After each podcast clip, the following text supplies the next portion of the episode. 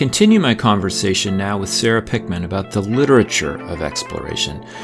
We came up with a few new categories for exploration books that you probably don't see in indexes and bibliographies.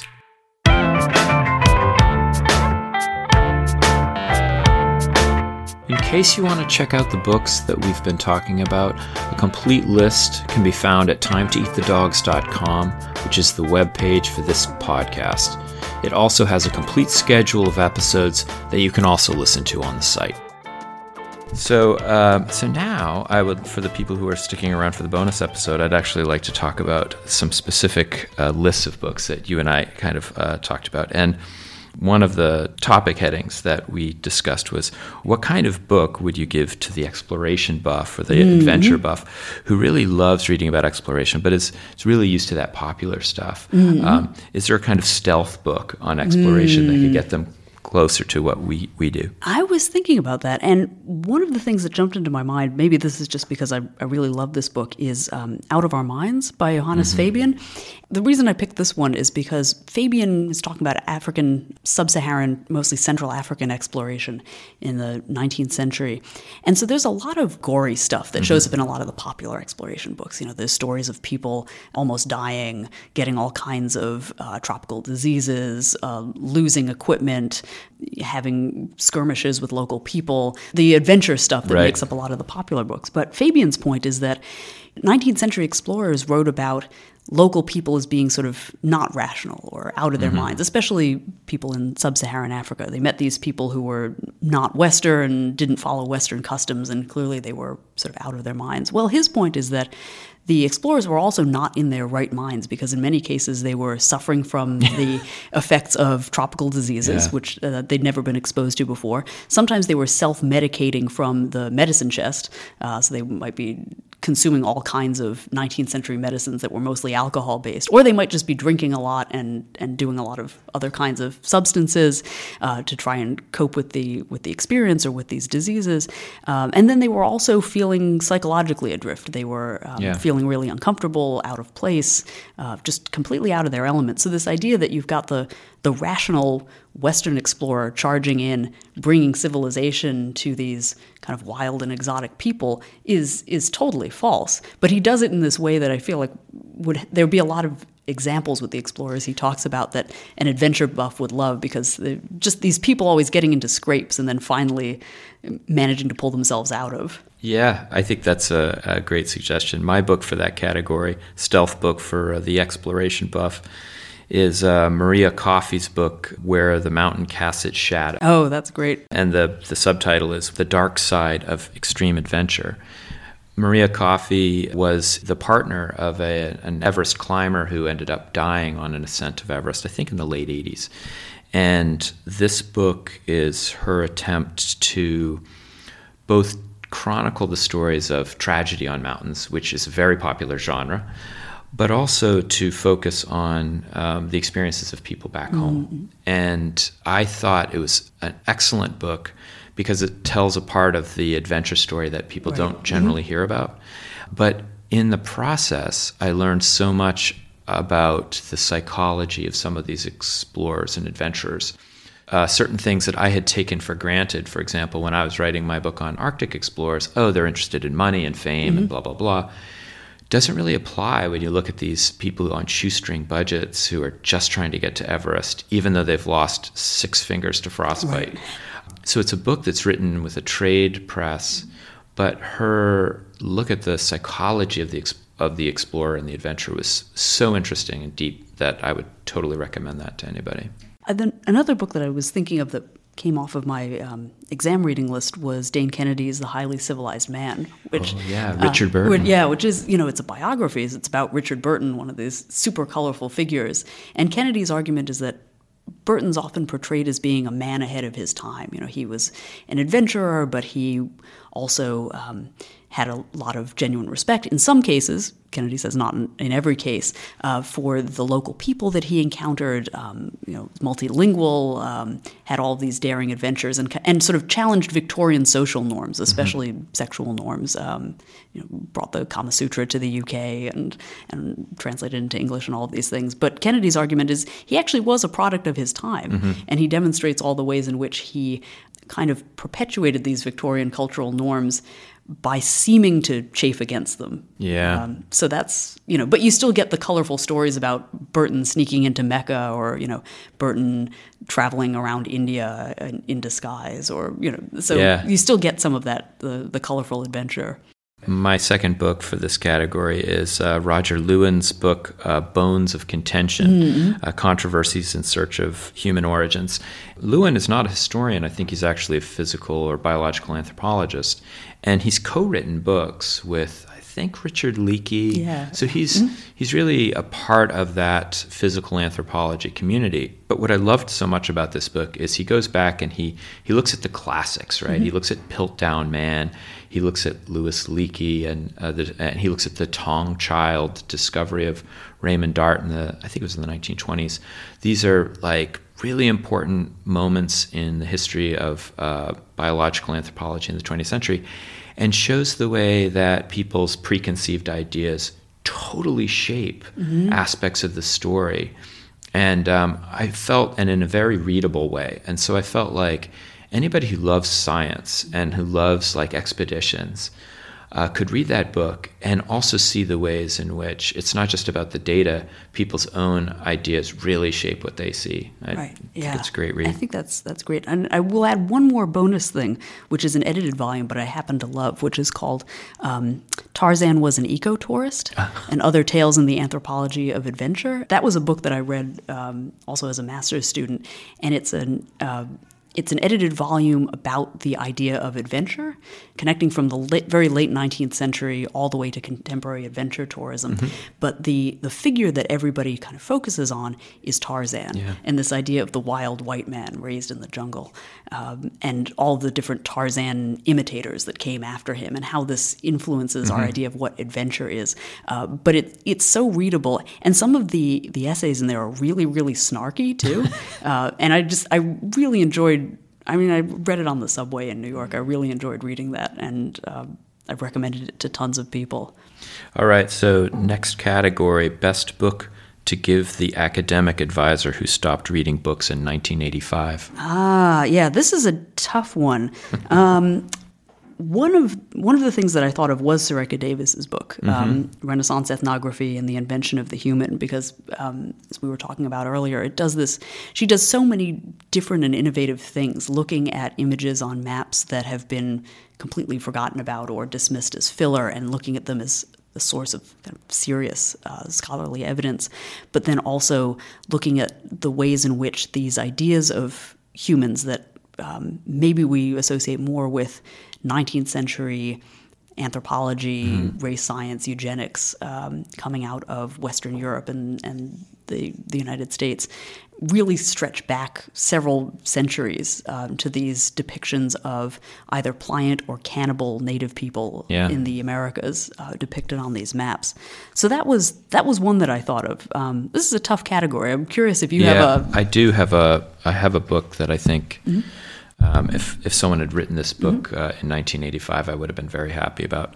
Uh, but uh, Janet Vertesi, who's a mm, sociologist yeah. at Princeton, wrote a book called uh, "Seeing Like a Rover,", Rover yeah. and Vertesi embedded herself in essentially the teams uh, that were working on the rovers, still are working mm-hmm. on the rovers on on Mars. And um, what was so interesting about this book to me is I, I'm very interested in robotic exploration mm-hmm. and have always been interested in the ways that humans tend to anthropomorphize mm-hmm. the robots. These robots are like little avatars for humans. And what Vertesi shows in uh, really interesting ways is the way that, in fact, the humans start to change, that they mm-hmm. begin to think and see like rovers. Uh, rovers don't see the way humans do, they actually see a larger uh, part of the electromagnetic spectrum. So how do you then convert or translate that to mm. a to a person back on Earth? Um, or how do you move through a landscape that has a lot of rocks in it if you've got tracks and not legs, uh, and you're only five feet tall, and you've got various kinds of arms? And so there's ways in which the humans begin to emulate the life of the rovers, even to the point where uh, the Martian day is different from the Earth day, so they have mm-hmm. to stay up at different hours in order to like be with their rovers. Mm-hmm. So I just found that such an interesting uh, book and a kind of book that wouldn't have been written 20 years ago. I have a, a second candidate for that um, category, and uh, not just because she's my advisor, which is uh, Life on Ice A History of New Uses for Cold Blood by Joanna Radin. Right. Uh, which I think does. Um, just does such an amazing job looking at some of these these themes we've been talking about, um, collecting museums, um, the collecting of uh, material from indigenous people by mm-hmm. Western scientists. Western scientists looking for something more primeval or um, something forgotten in something timeless mm-hmm. in what indigenous people have and trying to co opt that for Western science. But she's looking at organic materials, organic body materials, mm-hmm. rather than objects. So, you know, rather than um, looking at anthropological collections that were made out of um, different kinds of, of, material culture, like we associate with people like Franz Boas, mm-hmm. looking at collections that were made mostly in the mid 20th century of indigenous people's uh, blood and tissue, yeah. and collections that are still sitting in museums and in medical research institutions decades later, still kind of on ice in this weird state of being you know, kind of between life, um, and how the, but but then also how Western ideas of, of freezing maybe are challenged by indigenous ideas of what life really is, yeah. and and are these materials really inert or are they not? Hmm. It probably is a great complementary book to Rebecca Skloot's book. Yes, yes. Um, the Immortal Life of Henrietta Lacks. Um, so the next category, a dicey category, mm-hmm. is um, the most maddening book that you were glad you finished? This, this is this is tough, and I didn't really have one that was so maddening that I wanted to throw it against the wall. Um, I, I, have a couple. In that so. in that case, um, the one that I would I would pick out, and I just want to say that I, I like this book. This, yeah. That's not the reason that it was right. maddening. Is uh, Patricia Seed, Ceremonies of Possession, uh-huh. which um, which was really fantastic. She she goes into the different literally ceremonies of possession that different European colonizers enacted when they came to uh, mm-hmm. what they thought was a, a, new discovery, a newly discovered piece of land, so that the English colonizers like to erect uh, buildings and plant gardens, and the Spanish ones like to read a proclamation, and the um, the French like to have some kind of parade and with with religious overtones yeah. and and to um, to do some kind of some sort of symbolic ceremony that showed that native people had uh, given them the land mm-hmm. or that they that they basically had the um, the approval of whoever the local people were uh, and so she her argument is that we have to pay attention to these different styles of colonization yeah. it's not enough just to say Europeans this or Western that which is great, and I really like the book. But ultimately, her conclusion is that the Europeans were performing these ceremonies for each other. Yeah. And that when they criticized colonialism, it wasn't the institution of colonialism. They were saying, "Oh, the French are doing it wrong, but we did it the right way because we did this particular ceremony," or the you know the Spanish are going about it all wrong. They should be emulating the English or something like that. Um, so that part is just sort of you know makes you want to. Uh, yeah. Um, but but I really like that book. I didn't have any that where the book itself made me just want to slam it down and walk away. So I'm curious to hear what yeah well what those were for you. I think my first book is probably the book that graduate students all over mm-hmm. North America have wanted to throw out the window, but secretly at least is. Mm-hmm. Uh, the Order of Things by Michel Foucault. Oh yeah, yeah. um, I, I, took a Foucault seminar in, in oh boy in, uh, grad school. Uh, just trying to read it, there were books, you know, to like help you read it, and I was just it just drove me completely mm-hmm. nuts trying to even figure out what he was talking about. But by the end of reading it, I felt like it's it's the book for those people who haven't read it, uh, where uh, Foucault really lays out ideas about um, discourse and how uh, what does it mean to be a, an author is is kind of tricky, right? We tend to we, we tend to think about the person as this focus of knowledge mm-hmm. and insight and things like that. And Foucault says, yeah, that's really kind of squishy. Um, but the text and the way that text interacts, the way that texts interact with each other, is actually where the most interesting stuff and most powerful stuff happens. A kind of, and this is all pre-Google, right? um, right. And so by the end of it, even though I, it enraged me, I felt like, ah, you know, this really mm-hmm. is actually really important and an interesting way to think about how change happens in the world. The second book I had was by uh, Lisa Bloom called uh, oh, uh, Gender on Ice. On ice. Oh. And so I'm going to tell you what I mm-hmm. what made me crazy, and then mm-hmm. I'm going to tell you why I'm glad I finished it. What made me crazy about it was is that Lisa Bloom, who I think studied under Donna Haraway yes, at yes. Uh, is it San Diego? Uh, Santa Cruz. Santa Cruz. Mm-hmm. Wrote a book about looking at Arctic explorers. She looked at these expeditions through the lens of gender mm-hmm. and how the, these white explorers were going up and they tended to look at the natives in this very pedantic way. Uh, they tended to treat women in a particular way, and then their narratives kind of expunged everything mm-hmm. from that. What made me crazy about it was I was reading a lot of books at the time, and I felt like that it was an oversimplification mm-hmm. of what was actually happening. That being said, Lisa Bloom was the first person to actually, I think, to look seriously at gender as a category. Mm-hmm of exploration work in the Arctic, which for you and me is like such an important thing. And so um, I don't want to beat up on this book too much. In, in the end, it really was a foundational book for me in thinking, okay, how can I move this ball forward in my um, dissertation, which was my first book on Arctic exploration. Uh, final final category is the your favorite guilty pleasure exploration book. So I put for this one, I put um, Robert Macfarlane, The Mountains of the Mind, mm-hmm. which I, I had on my exam list because it's a kind of a popular popular retelling of Marjorie Hope Nicolson's academic book Mountain Gloom and Mountain Glory, which really historicizes human relationships with mountains, uh, mm-hmm. uh, especially in Western Europe and in North America and other kind of places that were settled by Western Europeans. And the idea being that every popular history of mountaineering starts out with, you know, since the dawn of time, man has looked at mountains and wanted to climb them. Well, no, that's actually not true. That really didn't start happening until the late 18th century yeah. um, in, a, in, a, in a big kind of way. Um, you had Petrarch and a couple people before that. But, um, but really historicizing, well, you know, people used to, people in these places used to think about mountains in a particular way, usually as uh, scary or foreboding yeah. or as blemishes on the landscape. And then our thinking about mountains really shifted. Uh, over the last 200 or so years.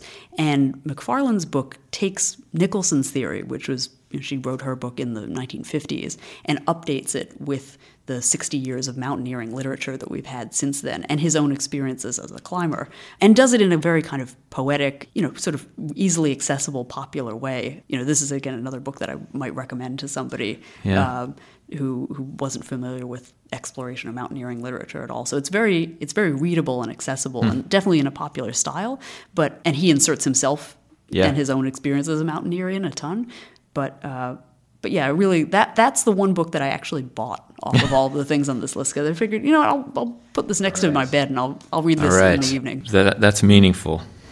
So the book that uh, is my guilty pleasure is uh, Roland Huntford's oh. book, "The Last Place on Earth: uh, mm-hmm. Scott and Amundsen's Race to the South. Pole," which I bet some of the our listeners have mm-hmm. probably already read. But what I so it's it's an old book. I think mm-hmm. this is published in the 1979. 79. Yeah. I love yeah. the fact that you know the exact no, yeah. year. um, so what I liked about Huntford's book is that it's very much a popular retelling mm-hmm. of a story that's very well known between uh, Scott and Amundsen and their race to the South Pole. I think he clearly chooses good guys and bad guys. Mm-hmm. I mean, Huntford has a very strong opinion about Scott as being kind of a bumbling, naive mm-hmm. guy, and Amundsen being incredibly thoughtful about how he's going to do this. Probably overly simplifies it, but it is such a roaring good read, first of all. And he takes such a strong position. And actually, I would say, I think it's an important book in terms of the historiography of exploration. Because if we go back to the 1960s and maybe even early 1970s, Scott was the guy that people were all still talking about. Um, and Amundsen was the interloper. Um, and I do think that this book actually did change the nature of the debate about um, how should people travel in the polar regions? What should they pay attention mm-hmm. to? What does it mean to be a hero? So as as much as it is a, a kind of a trade book, I, I, just think it's a blast. I really like it. I, I love that book too. I wasn't even thinking about that as a guilty pleasure because I just love it so much and I'm, I'm not embarrassed about it. But uh, but yeah, I think it's a that was another book that I kind of came to early on in this, and he definitely, you know, Huntford beats up on Scott a lot. Um, you know, the first few times he did it, I was like, okay, you know, he's making an argument, and then it's like, oh, you know, rolling my eyes at this. Um, but even though he's, you know, I think he was a journalist. Yes, he was yeah. um, the Scandinavian correspondent for the Telegraph, I uh-huh. think, or the Guardian. But he is, I think, the only person that I can think of who is a native English speaker but writes about polar history and has worked in the Scandinavian archives. Yeah, I mean, that yeah. was really the thing that he did was was accessing those Norwegian language sources, mm-hmm. which I can't think of anyone else who's done that or done that to that extent. Um, and yeah, he really did change the tone of the conversation. Whether you, you think that Scott was was bumbling, or you know Amundsen was the villain, or you know however you come out of that book and your reactions to it. I'm, I'm thinking also about Tim Jeal's biography of um, of uh, of Stanley. Of Stanley, right? That came out kind of around that same time, which did the same thing, sort of toppled uh, a hero, someone who'd been considered a hero for a long time, mm-hmm. um, and you know maybe the pendulum swung back in the other direction, but it's allowed the the conversation to keep going. Yeah, yeah. Um, but it's, it's, funny you mentioned that. Just last night, I was looking at this website called Five Books, where they ask um, people who run the website ask specialists in different fields to pick their top five books in mm-hmm. that field. And Roland Huntford got to do the top five books on polar exploration. Oh, he did. And so two of them are books about Amundsen or by Amundsen. He did. He did put my book on that list. I hope. No, he didn't. He didn't. I think there are two. Uh, two by Amundsen or about Amundsen, two by or about Fridtjof Nansen, who's another uh, kind of uh, titan of Norwegian polar right, exploration, right. and one book by James Clark Ross. I was honestly surprised that he included any British explorers at all, given that he has this kind of agenda. Uh, but yeah, he loves he loves his his Norwegian guys. Yeah, yeah, yeah. Well, this is great, uh, Sarah Pickman. Thanks so much for uh, Thank you so much. Thank you for having me. That's our bonus episode. Special thanks to Sarah Pickman for sharing her experiences with me She's writing a series of blog posts as well about the preliminary exam experience. I'll put links to these writings as well as Sarah's other writings at timetoeatthedogs.com. See you next week.